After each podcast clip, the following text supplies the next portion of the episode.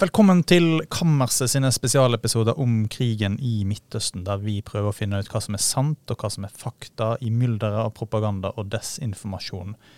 I flere spesialepisoder skal min kollega Dana Vanono og jeg, Emil Erstad, dukke ned i alt vi lurer på om konflikten mellom Israel og Hamas. Og I forrige episode så stilte vi spørsmål til eh, historikeren og forfatteren Simon Sibeg Montefiore om hva rolle historie spiller for dagens konflikt mellom Hamas og Israel. Men i dag, Dana? Ja, eh, i dag har vi fått besøk av folkerettsekspert Cecilie Hellestveit og assisterende generalsekretær i Helsingforskomiteen Gunnar Ekeløve Slydal. Og eh, det kommer jo mange påstander nå om hva som egentlig skjer i krigen. Og noen begreper går mye igjen. Brudd på folkeretten, krigsforbrytelser, etnisk rensing, rensning og til og med folkemord. Eh, begge dere er eksperter på det vi skal snakke om i dag, nemlig hva kan folkeretten fortelle oss om det som skjer i Israel og Palestina. Så velkommen. Takk. Eh, først en disclaimer. Jeg har tidligere jobba i Helsingforskomiteen eh, med deg, Gunnar. Men eh, nå er vi her på hver side av bordet og får eh, oppføre oss deretter. Eh, nå har jo krigen pågått i sju, eh, snart åtte uker. Og hvis vi tar på folkerettsbrillene, hva er det vi har vært vitne til, Cecilie? Det vi har vært vitne til, er jo først et angrep fra Hamas og andre grupper. For Hamas var jo ikke alene om dette angrepet. Og det er mye som tyder på at de verste overgrepene som ble begått inne på israelsk territorium, ble begått av andre enn Hamas sine egne folk. For de angrep først og fremst et israelsk kamphelikopter og baser og sikkerhetsstyrker, eller politi, inne på israelsk territorium. Og det var andre enn de, altså mer da sivile palestinere som var bevæpnet, som sto bak noen av de verste overgrepene som det har blitt rapportert om. Det er den ene delen av dette. Så det er på en måte antageligvis krigsforbrytelser. Fordi Hamas er også en part i en pågående væpnet konflikt med Israel. Så har vi den luftkampanjen som Israel da innledet. Og den er annerledes enn alle de luftkampanjene vi har hatt fra Israel etter 2005, da Israel trakk styrkene sine tilbake fra Gaza.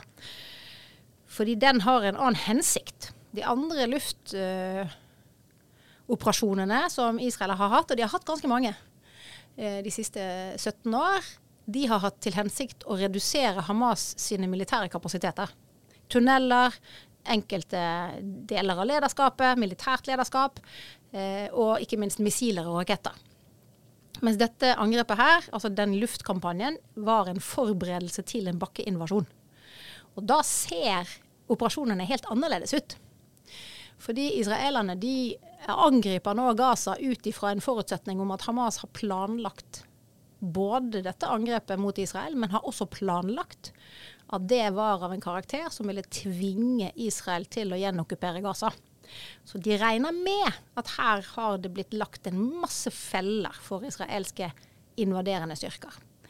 Og det er, to, det er tre kanskje hovedhensikter med den israelske militære operasjonen. og Det første er å gjen, gjenerobre Gaza for å fjerne Hamas som styresmakter på Gaza. Punkt nummer én. Eh, å nøytralisere Hamas på Gaza fullstendig. Punkt nummer to. Eh, å frigi så mange av gislene som mulig, uten at de drepes. Punkt nummer tre. Å sørge for at de israelske soldatene som går inn på Gaza, ikke tas til fange av palestinere. Og Kombinasjonen av de tre målsetningene der gjør at denne krigen er ekstremt brutal for palestinerne og for den palestinske sivilbefolkningen som her befinner seg som skvist mellom de to krigførende parter, uten anledning til å forlate Gaza, uten noen steder egentlig å gjemme seg, eh, men hvor Israel nok presser opp mot det som er lovlig i folkeretten, på en annen måte enn det vi har sett det gjøre tidligere. Og Det er nok også ganske bevisst fra Israels side. Og så er spørsmålet hvor ofte, hvor mange ganger og på hvilken måte går de over de grensene for hva som er lov. Og Det er noe av det som diskuteres nå. Eh, noe av dette er kanskje folkerettsbrudd, noe er kanskje sågar krigsforbrytelser. Men egentlig litt uavhengig av det, så er det viktig at vi alle eh, holder et, et øye på Israel her. Fordi Israel er den parten som er sterkest, og som bestemmer hvordan denne krigen skal foregå. Og det å være veldig tydelig på at her må Israel holde seg til reglene for krigføring, det er veldig viktig. Av hensyn til Gaza, og av hensyn til Israel selv, og av hensyn til oss selv. Så her er det veldig mange grunner til å være veldig oppmerksom på hvordan denne krigen foregår. Gunnar, holder Israel seg på riktig side av uh, regelverket, eh, sånn som du ser det? Um, jeg er enig med Cecilie at i forhold til den humanitære retten, så er det vanskelig for oss å sitte her i Oslo og bedømme om um, de ulike bombingene er på riktig side. Men mange av dem tror jeg er i, hvert fall, i beste fall i en gråsone. Um, jeg merker meg at uh, Israels forståelse av sivile mål, et, la oss si et helt et boligkvartal, og så er det noen Hamas-krigere i det kvartalet, da tar de ut hele kvartalet. Og, og mener at de kan gjøre det etter gjeldende rett. Det er veldig mange som er uenig med Israel i det, og da ser vi jo hvordan Gaza ser ut nå. Men det er et annet regelverk som også gjelder, og det er jo knytta til menneskerettigheter. Og når bruddene på menneskerettigheter blir veldig systematiske, omfattende, så kan man også snakke om forbrytelser mot menneskeheten. Um, og Jeg har diskutert dette litt med professor Einar Ter, uh, uh, Terje Einarsen i, ved Universitetet i Bergen. og Han mener at det er litt underkommunisert at kombinasjon av fullstendig blokade og bombing kan utgjøre en forbrytelse mot menneskeheten. Uh, nettopp fordi det, er, det blir i sum et veldig systematisk angrep på sivilbefolkningen. Cecilie? Ja, dette er, det er flere ting her som er litt sånn vanskelige, sånn teknisk, juridisk egentlig. Og jeg er nok enig i at hvis du har en kombinasjon av en blokade som Israel eh, opprettholder, og nekter folk å forlate Gaza på den ene siden, og samtidig bomber massivt, så du, kan du komme over i forbrytelser mot menneskeheten. Men det er ikke helt situasjonen. For de israelske styresmakter har bedt Gaza sin befolkning om å forlate Gaza og reise til Egypt. Og så har Egypt sagt nei, det kommer ikke på tale. Vi skal ikke ta imot én en eneste flyktning fra Gaza. Det har også Jordan sagt. Bortsett fra de som er skadde. Og Årsaken til det er at det å evakuere ut skadde i denne situasjonen gjør at Israel og Hamas sin, sine styresmakter er pliktige til å ta de tilbake igjen til Gaza når de er lappet sammen igjen. Så Det gjør at Egypt medvirker til den blokaden. Ja. Og da har du en annen situasjon i forhold til forbrytelser mot menneskeheten. Ikke sant? Fordi det er ikke egentlig eh, Israelere stanser ting fra å komme inn på Gaza, men stanser ikke Gaza sin befolkning fra å gå ut. Det er det andre som forhindrer. Så det er den ene, eh, men, men ene, ene innspillet der. Men det andre er at det som er spørsmålet her, er en sånn lang og litt vanskelig og vond diskusjon mellom folkerettsjurister om forholdet mellom krig, krigens regler og menneskerettighetene. Mm -hmm. eh, og da snakker vi her egentlig om det som vi kaller for klassifikasjonsspørsmålet. Og det er en viktig et viktig spørsmål i denne krigen. fordi hvis man sier at dette skal klassifiseres som en okkupasjonskrig, ikke sant? hvor Gaza er okkupert territorium, og Hamas representerer styresmaktene til palestinerne, så har du de samme reglene som gjelder her mellom eh, Gaza, Hamas og Israel, som gjelder mellom Russland og Ukraina. Og da er målutvelgelsene, hva som utgjør militære mål, det betyr det er bare de delene av Hamas sitt lederskap som har en militær funksjon, som kan angripes som militære mål. Alt annet er sivilt. Mm. Og Det påvirker om den sivile følgeskaden er proporsjonal eller ikke. Og det påvirker også hva som er lov å angripe direkte. Ikke sant? Og da er det jo en situasjon hvor egentlig eh, menneskerettighetene ikke gjelder så mye, fordi reglene er mye strengere egentlig for hva du har lov til å angripe. Og Hvis det er okkupasjonsretten, slik som jeg hevder, og kanskje de fleste stater i verden med meg, eh, så er det de strenge reglene som gjelder. Men hvis man er i det andre regelverket, det som gjelder mellom stater og ikke-statlige terrororganisasjoner, så er det helt andre regler. Det er veldig mye færre regler. Og da betyr også menneskerettighetene noe mer. Fordi de kommer inn for å kompensere for at det er veldig dårlige regler her. sant? Eh, det som er problemet for palestinerne, hvis de reglene legges til grunn, er at hele styringsstrukturen til Hamas, som er en terrororganisasjon, kan angripes som militære mål. Det betyr ikke bare eh, Kassem-brigaden sine folk, men Hamas sine politiske ledere, Hamas sine regnskapsførere, Hamas sine bankmenn, Hamas sin Ikke sant? Og da er det plutselig en helt annen form for målutvelgelse. Og da er det også slik at uproporsjonale følgetap, det er ikke en krigsforbrytelse. Dette var de reglene som vi selv benyttet i Mosul. Hvor mange sivile døde var det i Mosul sine ruiner etter vår bombing og bakkeinvasjon, som tok åtte måneder? Det er ikke så mange her som vet det. Men kurdisk etterretning mente at det lå 40 000 sivile igjen døde i de ruinene. Og Det har vi ikke hørt om, for der er det på en måte ikke krigsforbrytelser og straffeforfølgelse. sant? Så da er spørsmålet vårt, og dette her er dessverre ikke bare en akademisk øvelse, hvilke av disse to reglene er det som gjelder for israelerne sin krigføring på Gaza nå? Ja, men hvilke regler er det som gjelder? For dette her er jo eh, ikke bare en debatt blant jurister eh, og akademikere. Det er jo en debatt i den store offentligheten, og som skaper enorme demonstrasjoner. Store, polariserte eh, debatter. Eh, og hvordan skal vi rydde opp i dette her? Hvordan skal vi forstå det, Gunnar? Eh, det er ikke så lett å skape fullstendig klarhet. Um, dessverre. Altså, uh, Internasjonal rett er jo ikke blitt til ved et tegnebrett. Det er forhandlinger over tid, det er ulike konflikter som har spilt inn. Så den der liksom helt klare løsningen, hvilket regelverk gjelder, er det en forbrytelse eller ikke, det får du rett og slett ikke fra folkeretten her. Men mitt forslag til alle de aktivistene som engasjerer seg, er jo at de er litt forsiktige med å konkludere om eh, hva slags krigsforbrytelser osv. Som, som skjer. Og det gjelder også politikere.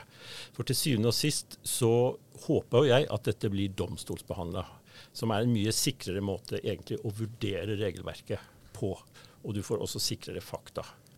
Så politikere som vil være på banen, jeg skjønner det, men vær forsiktig med folkeretten. Fordi det er et instrument som er litt skjørt, og som vi må ta vare på.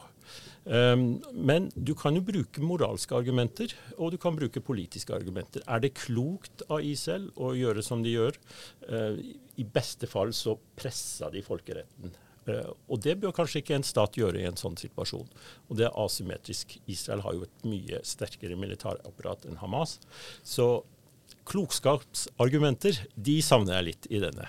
Og Det er fordi uh, veldig mange tror at hvis du kan slå noen i hodet med folkeretten, så vinner du den debatten. Ja, hva kan konsekvensen bli, da? Altså Når du åpner sosiale medier og ser en, en feed med påstand om folkemord og etnisk rensing og sånn, hva, hva, er konsekvensen av den type eh, språkbruk, eller begrepsbruk? Eh, sånn som vi opplevde, så brukes jo den språkbruken til å mobilisere folk. Eh, enten for eller imot noe. Og du skaper mer polarisering. Eh, jeg vet ikke hvor mange konflikter jeg har hørt ordet folkemord brukt. Og jeg sier at det ordet det må du være forsiktig med, fordi det er jo en ekstremt alvorlig forbrytelse.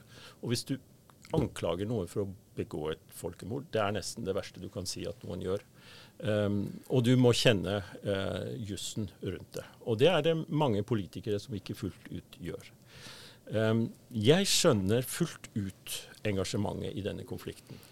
Men la oss ikke glemme det som Cecilie sier. Det er mange andre konflikter hvor vi nesten ikke engasjerer oss, og hvor tapstallene er mye større.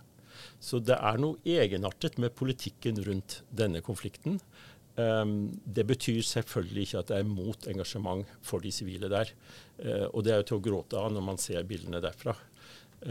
Men klokskapsargumenter, de savner jeg litt. Jeg er veldig enig i dette. Eh, jeg tenker at du trenger ikke at det er en krigsforbrytelse for at du skal si til Israel at dette aksepterer vi ikke. Vi aksepterer ikke at det dør så mange barn. At så mange barn drepes som følge av den måten dere nå driver krigføring på, må føre til at dere gjør det på en annen måte. Det tenker jeg vi har ikke bare en rett til å si, men vi har nesten en plikt til å si det. Sånn? Eh, og det å bruke folkeretten som moralsk rettesnor skal vi ikke gjøre. Hvorfor ikke det? Eh, fordi den er eh, av en annen karakter enn vår egen moral. Noen ganger er det som er riktig og rett, det er folkerettslig ulovlig. Og andre ganger er det som er galt, folkerettslig lovlig. Det er ikke nødvendigvis sammenfall her alltid. Og jeg tenker nok at her er vi et sted hvor eh, vi opplever at effektene av den luftkrigen særlig, altså bruk av eksplosiver, moderne høyteknologiske eksplosiver i eh, urbane strøk, hvor sivile ikke enten har anledning til å flykte eller ikke har noen steder å dra, det har noen menneskelige konsekvenser som selv om de er proporsjonale i forhold til den situasjonen her nå, så kan vi ikke akseptere det, rett og slett. Så det er jo det som man kan håpe. At det mobiliseres en, en motstand i mange befolkninger og i mange politiske lederskap, fordi man ser hvordan det faktisk ser ut i ruinene etter våre høyteknologiske våpen på Gaza. At det beveger statene til å endre på rammene for bruk av denne type eh, ammunisjon i, i, urbane strøk. Det er én mulighet. ikke sant? Husker dere Libanon-Israel-krigen, eh, altså Hizbollah-Israel-krigen i 2006? Det var den som gjorde at folk skjønte hvordan det så ut etter at man hadde benyttet klasevåpen. For det benyttet både israelerne i Libanon og Hizbollah benyttet det mot Israel. Sant? For første gang så fikk man egentlig se helt klart hva det produserte. To år senere så fikk vi i Oslo faktisk undertegnet klasevåpenkonvensjonen, som har antageligvis reddet veldig mange barn fra og bli, sprengt i filler lenge etter at væpnede konflikter er over. Sant? Så det er også noe med, med, med, rundt dette med engasjementet her, og den moralske fordømmelsen her, er viktig. Men dette er jo en konflikt som faktisk er underlagt den internasjonale straffedomstolen i Haag. Og da hjelper det ikke at det er litt uklart kanskje hva som egentlig gjelder, fordi det er nemlig ikke det. Når du har en eh, domstol som kan straffeforfølge enkeltindivider for hva de har gjort. Og Det gjør at vi skal nok lande på dette på et tidspunkt om ikke så veldig lenge. Per nå er statene uenige de diskuterer eller de fremmer synspunkter her som går i flere retninger. Noen vestlige stater holder med Israel, som jo mener at det er reglene mot ikke-statlige terrororganisasjoner. Britene og franskmennene har egentlig sagt at de er enig i det. Mens eh, land som Norge eh, tror jeg er mer tydelig på at her er det okkupasjonsretten, og det er visst egentlig også amerikanerne.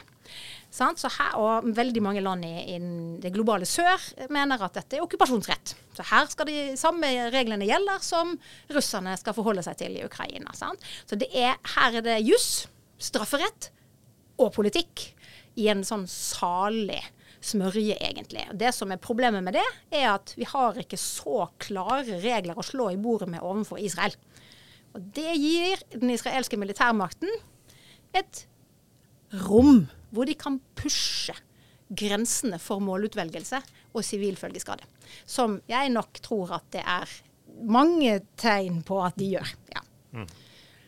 Uh, ja, ja, altså eh, knytt til, til, til det korleis, altså, det, det er helt sånn tekniske som dere begge eh, sikkert kjenner litt til. altså Hvordan Israel velger disse målene. Israel er jo et land, øh, og demokratisk styrt fortsatt, øh, som øh, der, der de, de, de, bryr seg om internasjonal kritikk til en viss grad, har en inntrykk av. Det er iallfall en viss sensitivitet i det israelske lederskapet for hva I høy grad, vil ja, jeg si. Ja. I det israelske rettsvesenet, i hvert fall. Nettopp. Og, og, så, så, eh, hvordan foregår den, den, målutvelgelsen, og hvordan forbereder Israel seg på disse anklagene om, og eventuell etterforskning om, om krigsforbrytelser og brudd på folkeretten?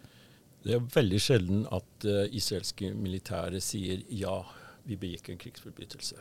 Uh, og det er veldig sjelden at de ikke har argumenter for hvorfor de ikke har gjort det. Så jeg er ikke i tvil om uh, at Israel har noen av de beste juristene på feltet, og at de gjør, de gjør veldig nøye vurderinger før de slår til. Men som vi stadig kommer frem til, totaliteten av denne krigen mot sivilbefolkninga blir allikevel for stor. Israel har særlig de siste ti årene eh, utarbeidet måter å drive med målutvelgelse på som gjør at alle større angrep skal innom en jurist som skal sjekke om dette her er i tråd med Er det et militært mål? Har vi god nok etterretning til å kunne konstatere det? Vet vi nok om sivil følgeskade? Og er den uproporsjonal slik det fremstår nå? Det betyr at dette her er jo prosesser som skjer på innsiden i Israel, som vi ikke får innsikt i. Men det, eh, det gjør at når du får effekter som f.eks. Jabalia-angrepet. Det var to angrep mot flyktningleiren Jabalia for å ta en av de mellomlederne som trolig var ganske ansvarlig for 7.10-angrepet.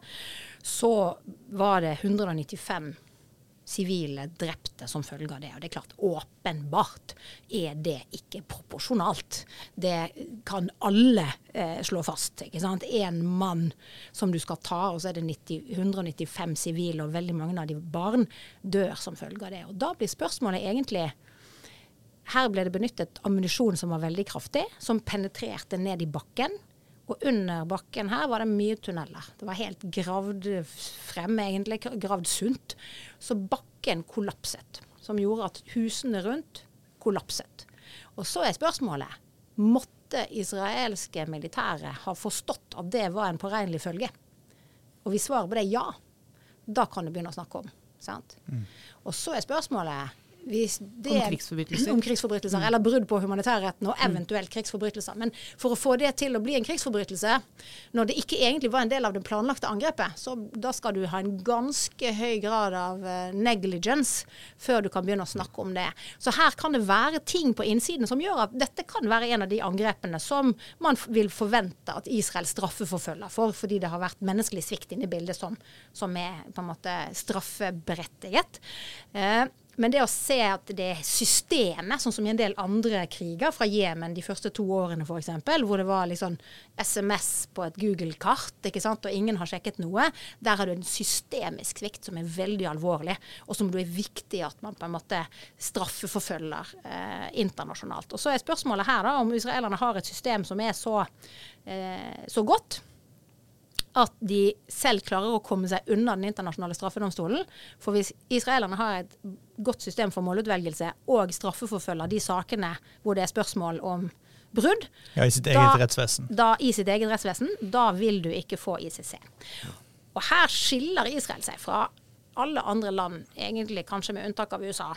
Men Israel er nok best i klassen, fordi Israel har en høyesterett som enkelte deler av Israel, som dere vet, har forsøkt å på en måte redusere innflytelsen til. Den israelske høyesterett de har en funksjon som heter High Court of Justice. og Da sitter de og bestemmer over beslutninger som den israelske hæren tar som okkupasjonsmakt. Og de er på her på en annen måte enn det de fleste sivile domstoler er andre steder i verden. Blant annet, f.eks. i går. Vi har jo da fått en fremforhandlet utvekslingsavtale hvor 50 eh, av de israelske gislene, kvinner og barn, skal uh, utveksles i bytte mot 150 kvinner og barn fra, som er palestinere i israelsk fangenskap. Ja.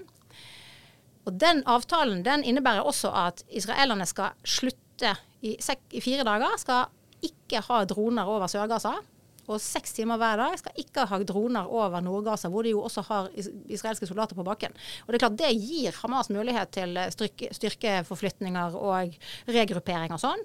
Så det gjør i praksis at den avtalen hvor du får frigitt 50 gisler, kommer til å gjøre at flere israelske soldater antageligvis blir drept de neste ukene. Sant? Og det er jo, det er jo å bytte sivile mot, mot militære, egentlig. Mm, mm. Så den avtalen har blitt lagt frem for Høyesterett, og alle har lov til å protestere overfor Høyesterett om at den avtalen er noe som den israelske regjering ikke har hjemmel til å inngå, fordi du i realiteten da bytter menneskeliv i Israel mot andre menneskeliv potensielt. Så det gjør at Israelsk høyesterett har vært inne nå og sett på den saken. Det var én organisasjon som protesterte. Israelsk høyesterett har vært inne og sett på det og har konkludert med at dette her er allikevel en lovlig avtale. Og den form for interaksjon mellom det militære sikkerhetspolitiske og rettsvesenet er veldig uvanlig. Mm. Og det gjør også noe med hvor mye israelerne vil ha å komme med i en mulig internasjonal rettsprosess. Så også på det juridiske planet så er det en asymmetri mellom Israel og Palestina. Hvor palestinerne alltid, nesten, kommer ut nederst. Og det er på en måte både da en politisk og en militær og en juridisk asymmetri. Og det er dessverre, og dette sier jeg med et meget tungt hjerte, så er det ikke så mye den internasjonale straffedomstolen kan gjøre med det. Så det, de som håper at det skal bidra til mer rettferdighet for palestinerne, kommer dessverre, tror jeg, til å skjønne at også her er det en form for asymmetri som moralsk sett faktisk ikke er akseptabel. Mm. Og Det er et veldig viktig poeng. Eh, da den internasjonale straffedomstolen ble oppretta eh, 1998 i Roma, så stemte Israel som en av syv stater imot. Um, og um, 121 stater stemte for. Og nå har domstolen 124 medlemmer. Siste er Armenia. Um, så for Israel har det tror jeg, alltid vært viktig å unngå at den domstolen kunne blande seg inn. Men de kan det, fordi Palestina er medlem. Um, og så tenker mange at det er, det er, veldig viktig. Og det er jo viktig på et, på et, på et vis. Hvis, uh, hvis, det blir uh, et uh, rettsoppgjør som ikke holder mål i Israel, så kan ICC komme og ta saker mot israelske soldater. Så um, det er kanskje viktig å ikke ha for store forhåpninger til det rettsoppgjøret, men det er allikevel noe der. Når man snakker om, altså Vi har snakket litt om uh, Israel nå. Eh, så er det jo Palestina og Hamas. Palestinas status som selvstendig stat er jo omstridt. Noen, noen, land anerkjenner det som en stat, uh, andre gjør det ikke. Og uansett så er det ikke en fullt ut fungerende stat. hva vil det ha å si for eh, konsekvenser som kanskje Hamas må møte eh, etter denne krigen. Skjønte dere spørsmålet? Ja. Ja, altså Hamas er jo ikke en eh, representant for den palestinske staten. Eh, selv om de vant et valg i Gaza. De vant, eh, ja. Um, de vant det eneste parlamentsvalget som har blitt avholdt, og det var et uh, parlamentsvalg som EU i sin tid både organiserte og finansierte og observerte. Jeg var EU-observatør under dette valget uh, på Vestbredden, ikke på Gaza. Men Hamas vant jo dette valget, og det var jo ikke planen. Eh, så jeg var også til stede da EU skjønte hva de hadde gjort. Men i mitt valgdistrikt på Sør-Vestbredden så fikk Hamas 92% av stemmene. Så det er ikke slik at Hamas er et Gaza-fenomen nødvendigvis. Men fordi det har vært en, eh, en, et skille mellom Gaza og Vestbredden etter det valget, egentlig, som konsekvens til, mm. til, til viss grad av det valget, så har det blitt en sånn todeling av palestinske myndigheter. Men det, det som skjedde i 2014 og 2015, var at Palestina, altså ideen om staten Palestina I folkeretten så er det fire krav for å være en stat fem egentlig, da, men fire. Og det er at du har en eh, fast grense. Har Palestina en fast grense? Nei. Du skal ha en fast befolkning. Har de en fast befolkning? Nei. Du skal ha en hovedstad. Har de en hovedstad? Nei. Men de har styresmakter mm. som ble etablert gjennom Oslo-avtalen. Mm. Eh, og så skal verdens stater anerkjenne deg som stat. Og det er det en del som har gjort. Eh, en del FN-organisasjoner har gjort det. Eh, og det gjorde at Palestina fikk ratifisere mange traktater i 2015, deriblant ICC. Så det gjør at på enkelte områder så blir Palestina ansett som stat. Og da blir spørsmålet på Gaza betyr det allikevel da at det er palestinske myndigheter på Gazas, altså Hamas, som egentlig er representanten for denne staten. Og det må rett og slett ICC antageligvis tar stilling til på et tidspunkt når mm. denne saken kommer på deres bord. Mm. Og dette her er jo dypt politiske beslutninger mm. som en straffedomstol bestående av eh, strafferettsjurister fra kanskje Kamerun og eh, Nepal og Sverige kanskje ikke er de riktige til å uttale seg om, men det har allikevel en form for prejudisiell effekt. Så det ligger ganske mange sånne hurdles, egentlig, mange utfordringer sånn juridisk, når noe som er veldig dypt politisk og i fluks, skal trekkes inn foran dommere som egentlig skal ilegge Juridisk teori, liksom. pu, Mm. altså De skal ilegge straffeansvar. Så de skal rett og slett sende enkeltindivider i fengsel. Sant? Og da må du ha klarhet. Det er bare ja- eller nei-spørsmål som fins foran den domstolen der. Det, eh, Gunnar, altså du har, dere har jo i Helsingforskomiteen jobba en del med dokumentasjon av krigsforbrytelser eh, den siste tida, i Ukraina eh, spesielt, og dere har fått eh, heder og ære for det arbeidet. Um, eh, hvordan, kan du beskrive hvordan en nå kommer til å jobbe med å samle inn dokumentasjon på krigsforbrytelser eh, i eh, denne konflikten?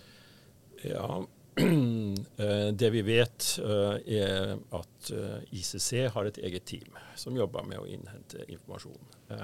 Om de er til stede på Gaza, tviler jeg på. Det er for utrygt. Men de følger nok godt med.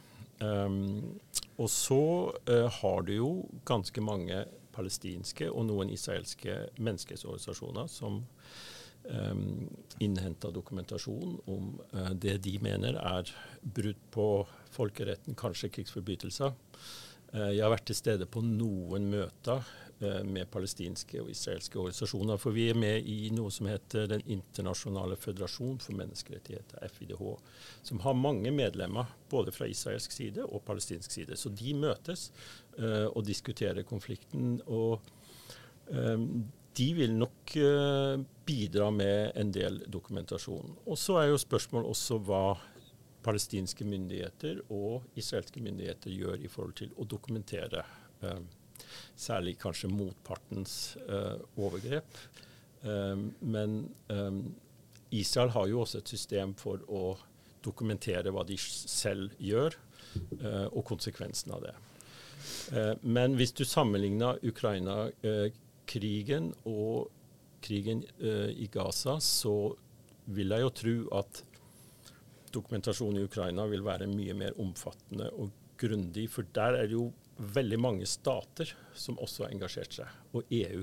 Eh, Så du har ICC-etterforskning, internasjonale straffedomstolen, du har FN, du har EU, Eurojust, og du har en rekke enkeltstater, inkludert Norge, som bedriver en form for etterforskning.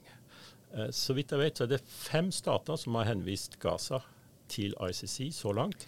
Men de er små stater, stort sett. Det Bortsett fra Sør-Afrika. Men altså, Emilie Enger Mehl eh, har snakket om at Norge kan stille etterforskere eh, til Sekundære etterforskere til ICC. Ja, som da Men de kan ikke øremerkes. Nettopp. ja. Ja, for det som, er, det som er kanskje utfordringen på Gaza, er jo at i denne type krigsforbrytersaker, så er det klart, da ønsker man å få informasjon som er uhildet fra tredjeparter. Og det er ikke så lett å skaffe i et krigsteater, fordi du er avhengig av partene. Sant? Og det er slik at det er forbudt å begå krigsforbrytelser i folkeretten, men det er ikke forbudt å lyge om at din fiende begår krigsforbrytelser. Det er lov. Det er en del av den måten man mobiliserer egen befolkning til å forstå hvor forferdelig fienden er, og at man derfor må ofre livet for å bekjempe fienden. Og det er en del av demoniseringen som har en funksjon. Og dette er noe av det som for oss er helt ufattelig, fordi vi lever i samfunnet i dyp fred. Men når man skal møte den krigsvirkeligheten som begge parter her møter sant? Israelerne sender nå mange unge gutter i, inn i en krig hvor de regner med at mange av de kommer hjem i kister. sant? Og palestinerne de står og møter en overmakt som de regner med kommer til å utslette veldig mange av dem. Og det å få folk til å være villig til å være med på det, forutsetter at du ikke tenker på han naboen eller han arbeidsgiveren som jo var så hyggelig, og dere har det jo så fint. Den, de båndene der skal brytes, fordi det skal versere forestillinger om hvor blodtørstig og brutal fienden er. Og det skjer alltid i denne form for kriger som du har nå mellom Israel og Hamas og palestinerne. Og det er jo masse effekter av det. Da vi hadde den samme situasjonen i Syria i 2013, da var det også en sånn informasjonskampanje hvor begge parter prøvde å selge inn motparten som en veldig brutal krigsforbryter. Det var mye krigsforbrytelser som ble gått der, på begge sider. Men i den informasjonskrigen så ble det overdrevet. Og det var jo litt av grunnen til at vi fikk hele fremmedkrigerfenomenet. Fordi det satt masse unge menn rundt om i hele verden som fikk disse videoene opp av slaktede kvinner og barn, sunnimuslimer som ble slaktet av kjøteren, krigsforbryteren Assad. Og de pakket sekken og dro i vei for å beskytte disse. Sant? Og den mekanismen der, den fins også i denne krigen, på begge sider. Og i vår virkelighet så får vi på en måte, vi får informasjonskampanjene fra begge sider inn. Mm. Eh, det har blitt gjort en undersøkelse nylig av eh, 162 profiler på sosiale medier som diskuterer Gaza-krigen. Og det viser seg at en fjerdedel av de er falske.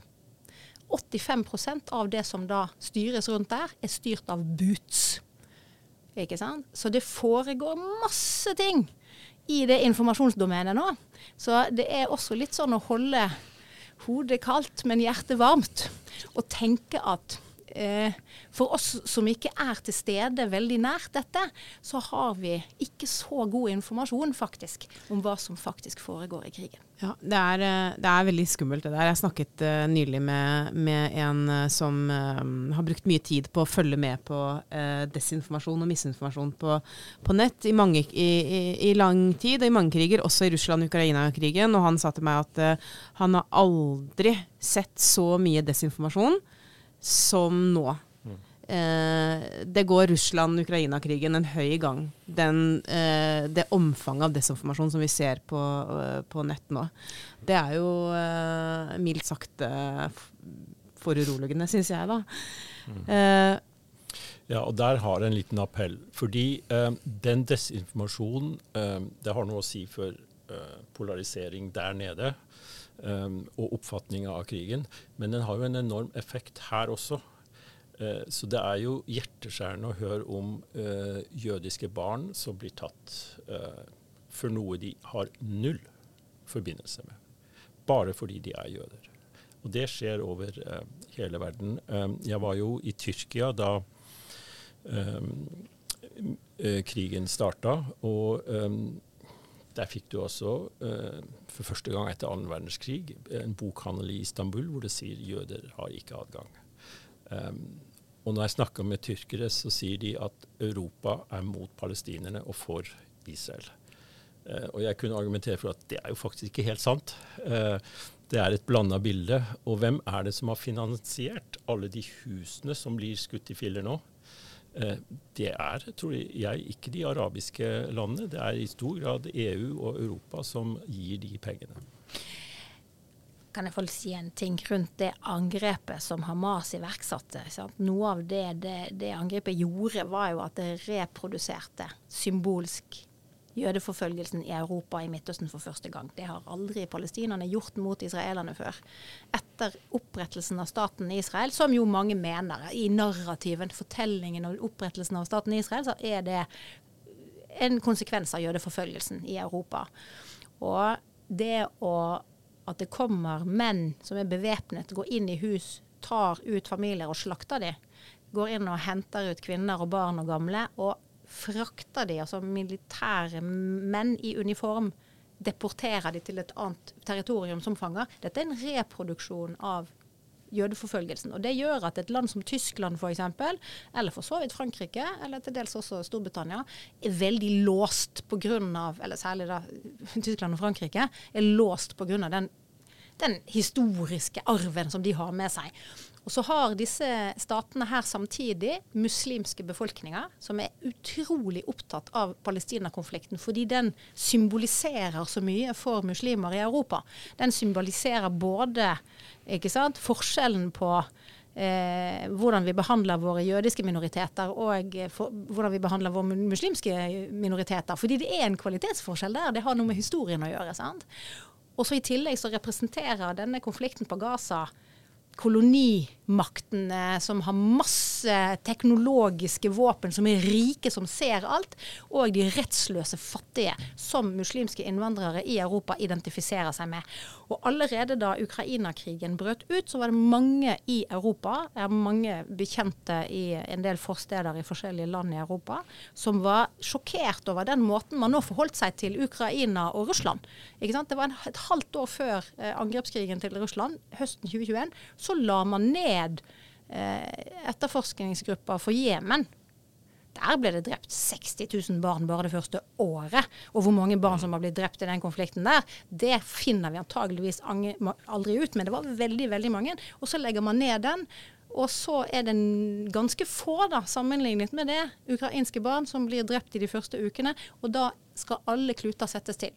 Og da oppstår det en sånn misnøye, egentlig. En sånn mistanke i disse miljøene om at å ja, det er helt andre regler for å drepe muslimske barn og europeiske vestlige barn.